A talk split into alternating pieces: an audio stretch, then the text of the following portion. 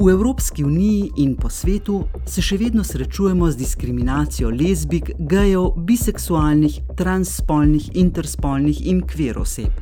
Ukrepi proti takšni diskriminaciji so postali del notranje in zunanje politike Unije. Poslušate program Novi izzivi, boljša zakonodaja. Tokrat bomo govorili o boju proti diskriminaciji na podlagi spolne usmerjenosti in spolne identitete.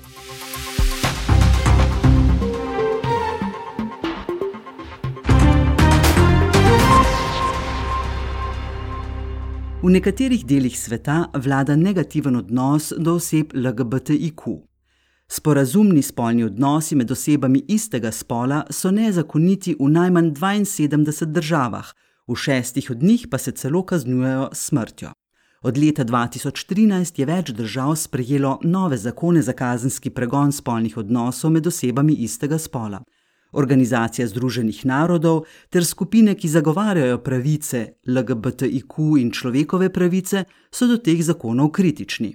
Poudarjajo, da lahko takšna zakonodaja privede do ozračja ustrahovanja, ki spodbuja homofobijo in kazniva dejanja iz sovraštva. Evropska unija ima enega najobsežnejših sklopov protidiskriminacijske zakonodaje na svetu. Poziva k globalni dekriminalizaciji homoseksualnosti in si tako prizadeva, da bi pravice oseb LGBTIQ spoštovali povsod. Načelo enakosti in prepoved diskriminacije na podlagi spolne usmerjenosti imata obsežno pravno podlago v pogodbah Unije.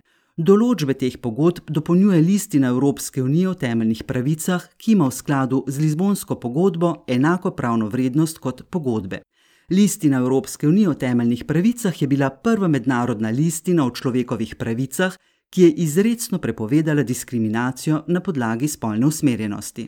A kot se je pokazalo, zakonodajna zaščita pred diskriminacijo sama po sebi še ne zadostuje za spremembe. Po vsej Evropski uniji so še vedno prisotni predsotki in pristranskost do lezbik, gejev, biseksualnih, transspolnih, interspolnih in kvir oseb, ki se kažejo na različne načine, naprimer z žaljivkami in fizičnim nasiljem.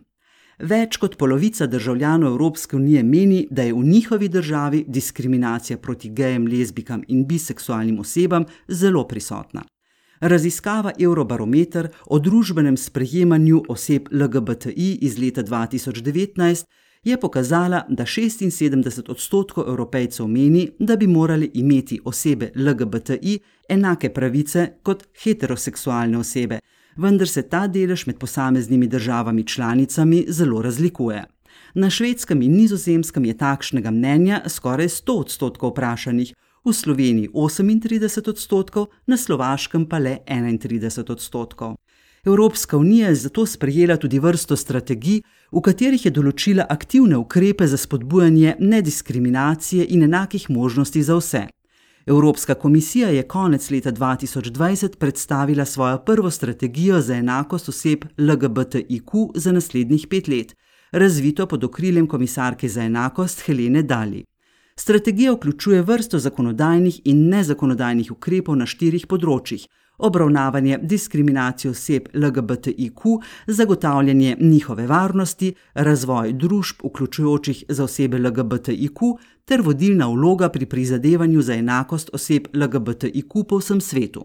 Državam članicam strategija zagotavlja tudi podporo pri spodbujanju vključevanja na delovnem mestu, zagotavljanju varnega in vključujočega izobraževanja in zdravstvenega varstva, preprečevanju škodljivih praks ter spoprijemanju s predsotki in stereotipi, ki so del diskriminacije.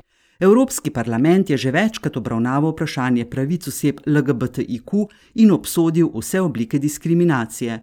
V različnih časovnih načrtih, strategijah in akcijskih načrtih je pozval k večletni politiki, s katero bi zaščitili temeljne pravice oseb LGBTIQ. Opozoril je na razmere na področju človekovih pravic oseb LGBTIQ zunaj Evropske unije ter povdaril, da je treba njihov posebni položaj upoštevati tudi v azilnih postopkih. Strukturna diskriminacija oseb LGBTIQ povzroča dodatne uvire in izzive ter ima negativne socialno-ekonomske posledice za ranljivejše skupine. Do diskriminacije lahko pride kjerkoli in na vseh področjih življenja. Kot evropski državljani lahko pomagamo varovati pravice in dobro počutje oseb LGBTIQ po vsem svetu.